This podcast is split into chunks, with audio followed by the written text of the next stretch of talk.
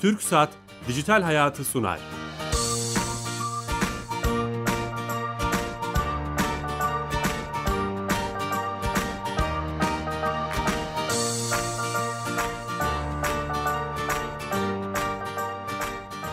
Dijital Hayat'a hoş geldiniz. Her cuma 15.30'da canlı yayında TRT Radyo 1 mikrofonlarında teknoloji, internet ve sosyal medyanın hayatımıza etkilerini konuşuyoruz. Ee, 68 haftadır teknolojiyi ve interneti, onun hayatımıza etkilerini e, her yönüyle bakmaya çalışıyoruz. E, bugün çok ilginç ve e, çok önemli bir konuyu konuşacağız. Yenilenebilir enerjileri konuşacağız. Güneş enerjisi, rüzgar enerjisi, metan gazı gibi e, artık e, konvansiyonel enerjiden bireysel enerjiye dönüşte e, hayatımızı çok etkileyecek bu enerji tiplerini konuşacağız. Çünkü önemli bir konu enerji çeşitli krizlere de neden oluyor. Acaba bunun hayatımızda özellikle bireysel anlamda ne gibi etkileri var? Ülkemizde ve dünyada neler oluyor bu konuda? Ne gibi çalışmalar yapılıyor? Çok değerli bir konuğumuzla Kanada'ya bağlanacağız. Kanada'dan canlı telefon bağlantısı yapacağız. Marmara Üniversitesi Mühendislik Fakültesi öğretim üyesi Profesör Doktor Sanay Itkı Uyar hocamızla konuşacağız. Şu an kendisi Kanada'da e, da e, e, misafir öğretim görevlisi olarak çalışmakta. Ona bağlanacağız ama öncesinde Türkiye'nin dönüşüm e, şirketi e, TürkSat'a bağlanacağız ve oradan Kablo TV pazarlama uzmanı Murat Solak'la e, Kablo TV'nin hayatımıza getirdiği en yeni özellikleri konuşacağız. Murat Bey hatta sanırım. Murat Bey. Merhabalar Bilal Bey. Nasılsınız? Teşekkür ediyorum. Sağ olun. Siz nasılsınız? Sağ olun. Bu hafta hangi özelliği servisi bize anlatacaksınız? Ee, siz hayatımızdaki yeniliklerden bahsedeceksiniz. Ben de hayatımızın vazgeçilmez olan üç tane temel hizmeti bir arada müşterilerimize sunduğumuz bir kampanyadan bahsedeceğim. Ee, hayatımızın artık vazgeçilmez olan televizyon, internet ve telefonu üçünü bir arada sunduğumuz konuşturan muhteşem bir kampanyamız var. Tamam. Ee, üç tane bu vazgeçilmez hizmeti tek bir fatura üzerinde tek bir hizmet olarak alıyoruz. 36.99 TL bu hizmetimiz. Bu hizmetimizin içinde e, kablo TV, e, Tele Dünya temel paket, e, vizyon sinema paketi, 25 megabit hızla 25 GB e, ekosınırsız uydu net tarif ediyoruz. Ve her yöne 100 dakikalıkta bir e, uydu net telefon hizmetimiz bulunuyor. Tüm bu hizmetleri sadece 36.99 TL'ye vatandaşlarımız kullanabiliyorlar. Evet. E, şu ana hizmet artık hayatımızın vazgeçilmezi ve tabii biz bunu vatandaşlarımız kullanabilsin diye bu fiyatın e, yanında kablo TV kurulumunu ücretsiz olarak normalde 96 TL olarak alınan uydunet ve dünya aktivasyon ücretlerini de almayarak e, artı uydunet telefonun hizmetinde kullanılan alınan 12 TL'lik tahsis ücretini almayarak vatandaşlarımızın hizmetine. Süper. Ee, şu an buna internetten abone olabiliyor mu internet üzerinden veya? E... Evet kesinlikle. Ee, bunun için dört tane e, başvuru kanalımız mevcut. Bir tanesi e, tuksatkablo.com.tr adresimiz direkt oradan online işlemlerden direkt kampanyanın altında satın al butonuyla işlem yapılabiliyor. E, artı 444 126 çağrı merkezimizden de bu hizmete ulaşılabilir.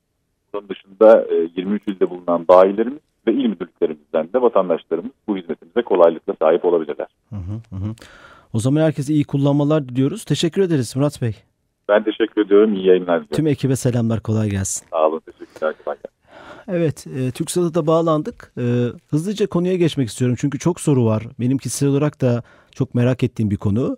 E, hocamız e, aynı zamanda başka şapkaları var. Türkiye Yenilenebilir Enerji Birliği Başkanı ve Dünya Rüzgar ve Biyoenerji Birlikleri Başkan Yardımcısı kendisi. Dünyada da tanınan biri ve Marmara Üniversitesi Mühendislik Fakültesi öğretim üyesi Tanay Sıtkı Uyar hocamız. Sanırım telefon hattında kendisi. Hocam Evet, merhaba. Nasılsınız hocam? Hoş geldiniz yayınımıza. Sağ olun, siz de iyisiniz. Hayırlı yayınlar. Sağ olun hocam, teşekkürler. Ee, vakit ayırdınız. Sanırım orada sabah sabahın 8'i veya 8.30'u.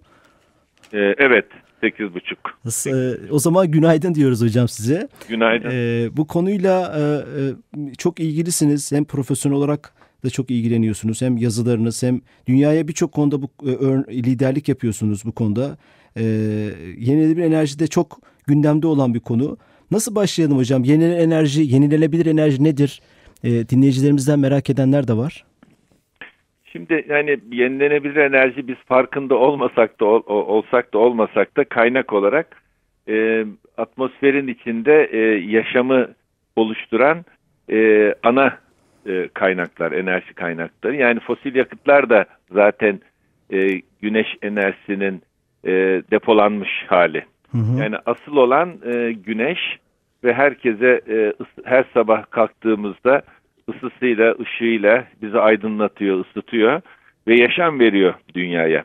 Ve ücretsiz, ucuz e, güneşin e, ısısı ve ışı, ışığını herkese eşit olarak ulaşıyor. Nereye ulaşırsa orada insanları özgürleştiriyor. Yani enerjide e, bir de bağımsızlık aslında demek. Çok önemli. Bir de, bir de kimseyi öldürmek zorunda değilsiniz. Yani güneşten yararlanmak için bir dakika e, demiyorsunuz. Herkese yeterince kadar var. Her gün var. Hiç tükenmiyor. E, kullanırsanız kullanıyorsunuz. Kullanmazsanız küsmüyor. Ertesi gün gene omuzunuzun dibinde, evinizin dışında, fabrikanızın dışında var. Yani böyle bir kaynaktan söz ediyoruz. O yüzden mi yenilenebilir Yenilenebilir enerji deniyor hocam? Yani her gün yenisi tekrar hayatımıza tabii. girdiği için. Evet güneş her gün doğuyor ve sırasıyla da e, dünyanın e, e, diğer taraflarını e, da e, ihmal etmeden e, bütün dünyaya ısısını, ışığını veriyor ve hani kutuplara doğru birazcık daha az etkili oluyor. Ama e, var, iyi ki var. E, yaşam eksi 60 dereceden atmosferin dışındaki sıcaklık. Uçağa binenler bilir. Ortalama 17-18 dereceye geliyor. Tabii Erzurum'da eksi 30 oluyor. Kanada'da eksi 30 oluyor. Antalya'da artı 40 oluyor ama eksi 60'tan o dereceye getiriyor. Şimdi birincisi bu en önemli. Güneş hani her zaman var. Bir dakika olmasa yaşam yok dünyada. Onu bir kabul etmemiz lazım. Yani anlamamız lazım bunu. Demememiz lazım. İkinci olarak güneş için e, enerjisiyle sular nehirlerden ve şeylerden buharlaşıyor. Yani potansiyel enerji kazanıyor ve bulutlarla dağlara taşındığı zaman nehirlerden içme suyu ve tarımda kullanacağımız su olarak geliyor ve bunu devamlı yapıyor. Yani sadece nehre bakan bunu anlamaz ama dünyaya dışarıdan baktığınız zaman su moleküllerinin potansiyel enerji kazanıp her gün hiç şey yapmadan, bıkmadan, usanmadan her gün kendini yenileyerek bize içme suyu ve e, tarımda kullanacağımız suyu verdiğini biliriz. İkincisi bu. Tamam. Yani suyun e, potansiyel enerji. Suyun da kaynağı güneş bir anlamda. Efendim? Suyun kaynağı da güneş bir anlamda. Tabii tabii tabii tabii. Yani su moleküllerini enerjisiyle buharlaştırıyor. Bize nehirlerden her gün içme suyu ve e, tarımda kullanacağımız su olarak emrimize amade. Hiçbir bedel ödemeden. Hı hı. İkincisi bu. Üçüncüsü e, güneşle fotosentezle bitkiler e, gelişiyor. Bitkiler biliyorsunuz karbondioksit alıyorlar havada. Oksijen veriyorlar. Bu arada da gövdelerini, biyo, biyoenerjilerini biriktiriyorlar. Bu da e, güneş enerjisinin kimyasal olarak depolanması. Gıda olarak depoluyoruz, bir yıl kullanıyoruz, ertesi sene bir daha. Bu da biyoenerji dediğimiz. Biyoenerji. Ben Dünya Biyoenerji Derneği'nin de başkan yardımcısıyım. Bu e, Mayıs ayının 26-28'inde e, Türkan Saylan Kültür Merkezi'nde yapacağımız konferansta Dünya Biyoenerji Derneği'nin yönetim kurulu üyeleri olacak. Orada biyoenerjinin önemini anlatacaklar. Hani ilgilenenler, mühendisler falan gelip katılabilirler. İstanbul'da biyoenerji değil mi çok hocam? önemli. İstanbul'da. Efendim? İstanbul'da 26, 27, 28 Mayıs'ta. İstanbul'da 26, 27, 28 Mayıs'ta zaten e, e, irenek.org diye girilirse e, orada bütün detayları var. Burada söylememize gerek yok. Tamam. E, biyoenerji de çok önemli. Yani güneş enerjisinin kimyasal olarak depolanması. Ağaçlar, ormanlar, bitkiler e, kimyasal olarak depoluyorlar. Ondan sonra istediğiniz zaman onu değerlendirebiliyorsunuz. Özellikle orman atıkları, e, tarım atıkları, tarımda biliyorsunuz hasattan sonra anız yapılır. Anız artık yapılmıyor dünyada ve kentlerin e, belediye çöp atıkları ayrıştırıldıktan sonra bunlar hepsi işte tavuk çiftliklerinin arttıkları ne aklınıza gelirse bunlardan e, biyoenerji üretiliyor.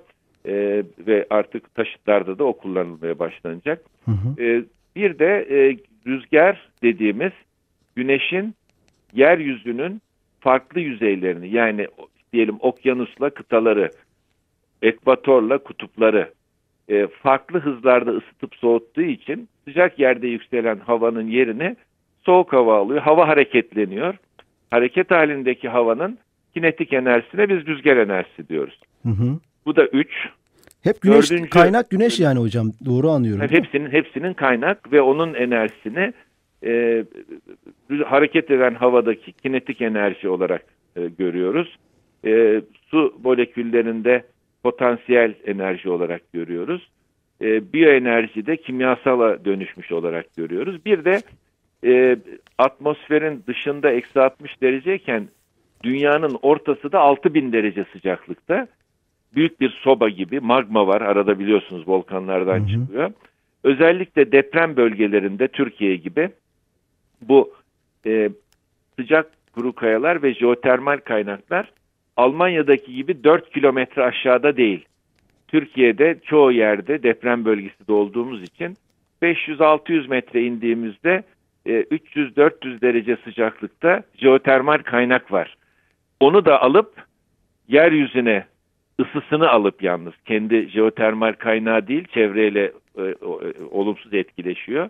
Onu alıp ısısını alıp o jeotermal kaynağı aşağı yollayarak mesela Türkiye'de sadece bu şekilde 5 milyon konut ısıtılabilir. Oo. Şimdi yenilenebilir enerji dediğimiz kaynaklar bu ve e, ücretsiz e, her gün var. Eskiden vardı. Bugün var. Güneş olduğu sürece de olacak. Yani böyle bir kaynaktan söz ediyoruz. Yani siz dediniz yenilenebilir enerji kaynak nedir diye onu bir anlatmaya Çok Çok güzel özetlediniz hocam. Ağzınıza Böyle sağlık. bir e, kaynak var. Ücretsiz ve e, küsmüyor da her gün var. E, e, ve çok güzel bir kaynak. Olmadığı yani artık, zaman da insanlık olmaz değil mi hocam? Güneş olmadığı zaman. O, tabii tabii yani o yaşam şeyini yaşam veriyor. Hep yalnız onu yaparken de sera gazı battaniyesiyle işbirliği yapıyor güneş. Yani bunlar e, işte karbondioksit, metan gibi altı tane değişik gaz e, atmosferin içinde varlar ve dünyanın çevresini bir battaniye gibi sarmışlar. Onlar olduğu için hani sera etkisi dediğimiz etki e, atmosferin içinde sıcaklığın belli bir düzeyde kalmasını sağlıyor. Ben ona dünyamızın battaniyesi diyorum. Çok güzel.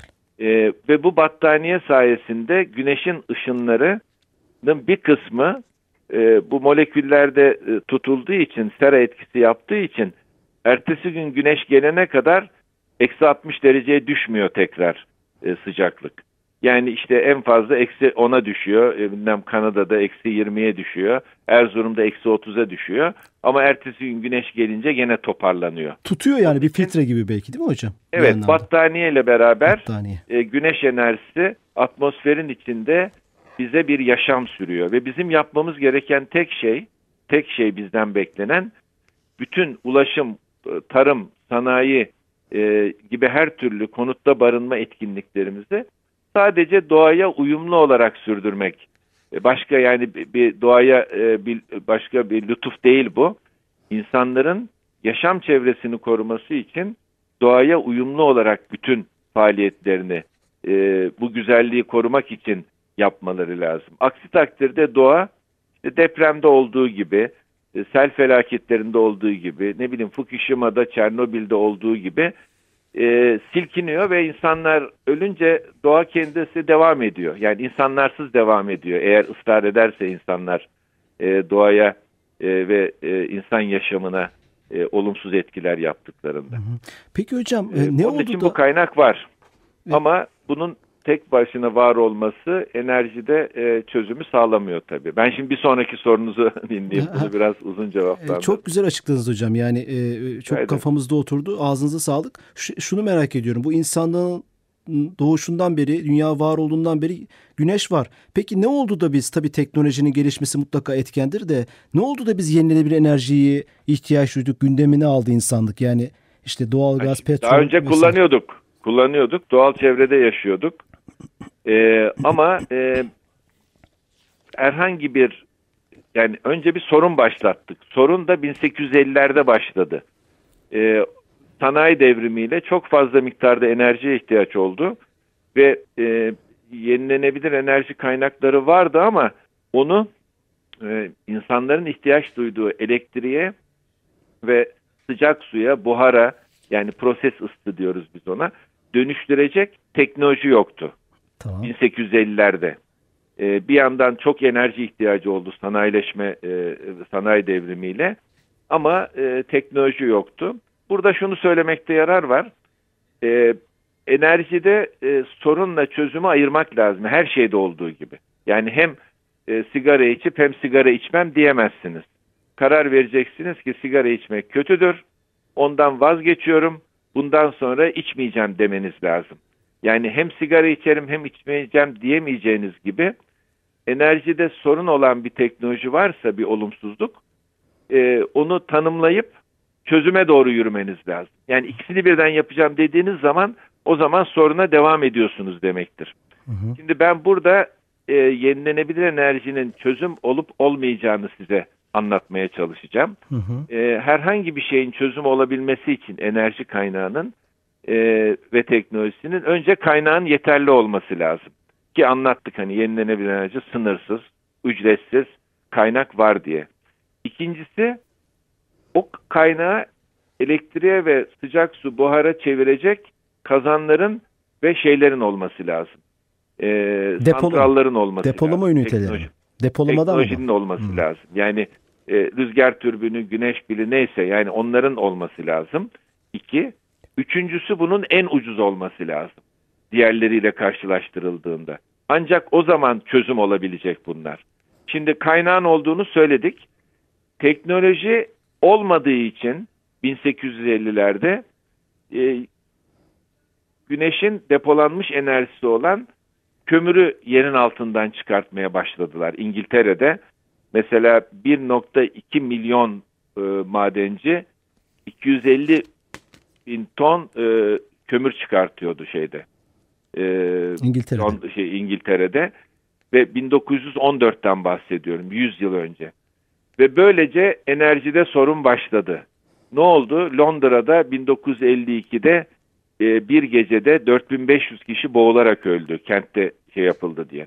Ve diğer ülkelerde de bunlar oldu. 1950'lerde itibaren e, ya kömür değil de acaba petrol kullansak bu sorunu biraz hafifletir miyiz denmeye başlandı. Petrol daha böyle akışkan e, bir yakıt falan hani daha kontrollü yakılabiliyor. E, sonra da e, petrol kriziyle o da olmadı. Doğalgaz yakabilir miyiz dendi. Yani ilk sorun çıktıktan sonra yavaş yavaş ya daha temizini bulabilir miyiz diye, sorunu hafifletebilir miyiz diye e, 1970'lere kadar gelindi. 1970'te petrol krizi olunca e, çok fena e, etkilendi e, Batı ülkeleri. İşte 73 yılında bir deneme yaptılar. Acaba bu nükleer silah malzemesi üretim tesislerinin den çıkan atık ısıyla yani o nükleer e, reaktör denen şeyler yani silah malzemesi yapmak için o zamanlar geliştirmişlerdi. Acaba bunun ısısıyla petrolde e, kriz var. Acaba bunu kullanabilir miyiz dediler. 1973 ile 78 arasında bu nükleer e, santral dediğimiz şeyleri kurdular. Ama 1978'de de e, çok pahalı olduğu için, atıkları depolanamadığı için, e, işte yurttaşlar istemediği için, bir de kamunun denetlemesi zor olduğu için Amerika'da başlayarak onun çözüm olmadığı, sorun olduğu kenara kondu. Böylece ne hani fosil ve e, bu nükleer atık ısının e, pek yardımcı olamadığını düşündükleri için dediler ki 78'den başlayarak biz bu e, rüzgar, güneş, jeotermal gibi e, kaynakları kullanan teknolojileri geliştirelim dediler. Hı hı. E, ve ama önden önce de e, enerjinin etkin kullanımı dediğimiz ulaşımda, konutta, sanayide, tarımda daha az enerji kullanarak daha çok iş yapan buzdolapları yani soğutmayı aynı şekilde yapacak ama 10 misli az enerji tüketecek. E, konutların pasif binalar olarak yapılıp e, çok az enerji tüketen. Mesela Türkiye'de e, konutlar 300 kWh saat kullanıyor metrekare başına. Şu anda Avrupa standartı 50 kWh saat. Bunun üstünde enerji tüketiyorsa konut ruhsat vermiyorlar zaten. Altıda açıklandı. Kaliforniya'da artık her evde e, bir tane e, bir kilowattlık güneş paneli konmak zorunda. Evet medyada haber oldu hocam. 2000, efendim? Haber oldu 2017 başında San Francisco'da sanırım.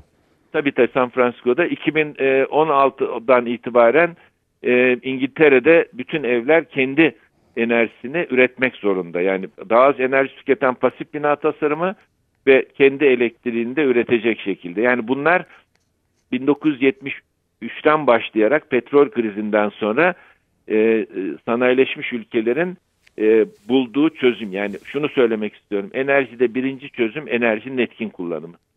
Toplu ulaşım vesaire falan binaların daha az enerji tüketimi. Neyse bu o, o sürede sürüyor. Ama 1978'de e, rüzgar, e, güneş, e, jeotermal e, işte ısı değiştiricileri, e, biyo yakıt yakıcıları, pelet sobaları, e, güneş panelleri, rüzgar türbinleri üzerine yoğun bir e, OECD, Ekonomik İşbirliği Kalkınma Teşkilatı, Uluslararası Enerji Ajansı bünyesinde 40 tane e, uygulama anlaşması, teknoloji geliştirme anlaşması yapıldı. Ve onun 1980'den itibaren Kaliforniya'da görüyoruz. Vergi indirimi getirdiler rüzgar türbinleri kullananlara. Bir 15 bin tane rüzgar türbünü kuruldu o zaman. Yani bugün Amerika'da e, şu anda e, temiz enerji devriminden söz ediyorlar. Onun başlangıcı 1980. Sonra 1990'lara gelindi. Kyoto protokolü oldu. Bu fosil yakıtların çözüm olmadığı birazcık daha pekişti. Ve 93 yılında biz de hala yapmıyoruz. İktisatçılarımızdan rica ediyoruz yapsınlar diye. Bazı üniversitelerde yapan arkadaşlarımız var da genel kullanımda değil. E, enerji üretim ve tüketiminin toplumsal maliyetlerini hesaplamaları lazım. Yani e, bir e, santral olduğu zaman o eğer tarım ürünlerini e, etkiliyorsa ne kadar etkiliyor hesaplanması, orman kaybına yol, asit yağmuruna yol açıyorsa ne kadar yapmış e, ve eğer diyelim hastalığa neden oluyorsa, solunum hastalığına, kanser yapıyorsa e, o ka kanser hastanesi kurmanın maliyetlerini de eklemeye biz e, doğaya ve insan sağlığına yapılan tahribat hesaba katılmayan maliyetler 93 yılında bunu hesaplamaya başladı Avrupa. Hı hı. Ve Avrupa bunu hesaplamaya başlayınca dediler ki bu yenilenebilir enerji teknolojilerini geliştirelim. Çünkü her geliştirdiğimiz, her yenilenebilir enerjiden üreteceğimiz elektrik bize şu kadar e, sağlık harcamalarının azalmasına neden olacak dediler. O azalmayı da destek olarak verdiler. Bu da 1990'dan itibaren. Şu anda e, özetlemek gerekirse artık rüzgar türbinleri 10 megawatt yani e, 100 tane rüzgar türbünü e, 1000 megawattlık bir nükleer santralın üreteceği kadar elektrik üretiyor. 100 tane e, rüzgar santralı. E, dolayısıyla teknoloji gelişmiş oldu. Güneş panelleri biliyorsunuz artık Türkiye'de de her yerde var. Yani olmayan teknoloji 19, 1850'de 1980'den itibaren Amerika'nın e, şeyin Almanya'nın Avrupa'nın destekleriyle teknoloji artık var. Yani ikinci şart sağlanmış oldu. e, ama e, bu yetmez. Maliyetlerin de en uygun olması gerekiyordu ve bu maliyetler için e, şey yapıldı. E, 17 Eylül 2013 tarihinde e, Amerikan Enerji Bakanlığı açıklama yaptı. Dedi ki temiz enerji devrimi Amerika'da başladı. Neymiş diye baktık.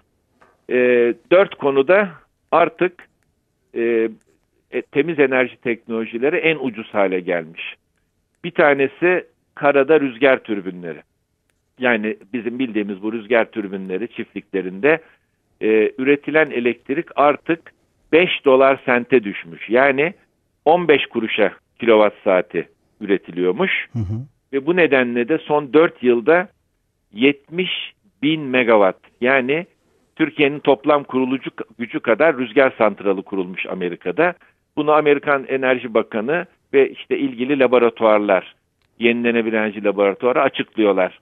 Bu da tabii e, şeyden itibaren e, yenilenebilir enerjiyi Amerika'da Obama yönetimi destekledi. 2008 yılından itibaren bugüne kadar maliyetlerin işte şu kadar şu kadar düştü. Artık temiz enerji devrimi başladı diyorlar. Bunun içinde e, 70 bin megawattlık rüzgar kurduk diyorlar. Hı hı. Ama aynı zamanda zaten dünyada da şu anda ben Dünya Rüzgar Enerjisi Birliği'nin e, yöneticisi olarak her yıl hazırlıyoruz. 420 bin megawata ulaştı. Yani 420 gigawata ulaştı dünyada. Sadece Amerika değil, Avrupa'da 100 bin yaptı, Çin 120 bin yaptı. Yani Çin şu anda Türkiye'nin elektriğinin iki misli kadarını rüzgardan üretiyor. Hocam zaten şunu sorabilir tarafı. miyim? Son bir buçuk dakika. Çok da güzel anlatıyorsunuz. Bölmek de Tamam. istemiyorum. Çok güzel bir soru geliyor. Son bir buçuk dakika hocam. Kapatacağım çünkü. Türkiye'nin durumu ne peki bu şeyde? Hani potansiyelimiz var bildiğim kadarıyla. Son cümle Tamam. olarak ne dersiniz hocam? Tamam onu söyleyeyim. Ee, şeyden de diğer iki ayağının ismini söyleyeyim sadece. Güneş santralları 500 dolara düşmüş kilovatı. LED aydınlatma, LED ampul 80 milyon tane değiştirmişler. Bir de elektrikli taşıtlar diğer benzinli taşıtlardan ucuza geldiği için 300 bin tane satılmış piyasada. Şimdi bu böyle bir devrim yaşanıyor. Bunlar en ucuz. Yani kaynak var, teknoloji var ve en ucuz. Onun için e, artık karar vericilerin e, bunu çözüm olarak görüp ona yönelmesi lazım. Türkiye'ye gelince de Türkiye mevcut rüzgarıyla ben rüzgar atlasını 89 yılında yaptım. 150 bin megawatt kurabilir. Tamam. Ee, güneş zaten dünyanın en güneşli ülkelerinden biriyiz. Ee, jeotermal kaynaklarımız var. Ee, her türlü konuda kaynağımız var. Biz 2023 yılında %100 yenilenebilir enerjiye geçebiliriz. 2023'te. Yalnız %100 yenilenebilir enerjiye geçmek için iki şey daha yapmak lazım. Bir akıllı şebekeler oluşturmak lazım ki bunu Ankara'da Kamu Teknoloji Platformu'nda 4-5 Mayıs'ta konuşulacak. Tamam. Böyle bir toplantı olacak. Belediye başkanlarımız şehirlerden gelecekler. Ben de katılacağım orada. Tamam hocam. Yani akıllı şebekeler önemli bir. İkincisi de depolanması yenilenebilir enerjinin. Şu demek bu. Bugün güneş varken ertesi gün güneş çıkana kadar güneş olmadığı zaman kullanacağınız kadar elektriği ve sıcak suyu, buharı depolamaktan bahsediyoruz. Hı hı. Ya bu, Böylece- iki, bu iki şey yapılırsa hocam Türkiye'nin potansiyeli var. Onu anlıyorum. Potansiyeli var ve 2000 hani her ülke Kaliforniya 2050'de diyor, Almanya 2080'de diyor %100 yenilenebilir enerjiye geçebiliriz. Biz 2023'te geçebiliriz. Yani e, o kadar da çabuk yapabiliriz bunu. Çünkü kaynak var, teknoloji var ve en ucuz hale Eyvallah. geldi. Hocam E, izleyicilerimize şunu söyleyebilirim. son 10 hem saniye hocam. internetten hem internetten şey yapabilirler. Bizim ismimizi yazarak takip edebilirler. Hem de e, bu e, Türkan Saylan Kültür Merkezi'nde yapılacak e, 6. Uluslararası %100 Yenilenebilir Enerji Konferansı'nın Onu duyuracağız hocam. giderek Tamam. şey yapabilirler. Hocam çok teşekkür ederiz. Çok, Rica ederim. çok en güzel yaptığımız en güzel programlardan biri oldu. Sizi tekrar konuk edeceğiz. Bu konu çok önemli. Kanada'dan vakit ayırdınız. Teşekkür ederiz hocam. Ben de Kolay teşekkür gelsin. ederim. İyi günler dilerim. Sağ olun hocam sağ olun. Evet e, yenilenebilir enerjiyi Profesör Taner Sıtkı Uyar hocamızla konuştuk. İyi hafta sonları. Hoşçakalın.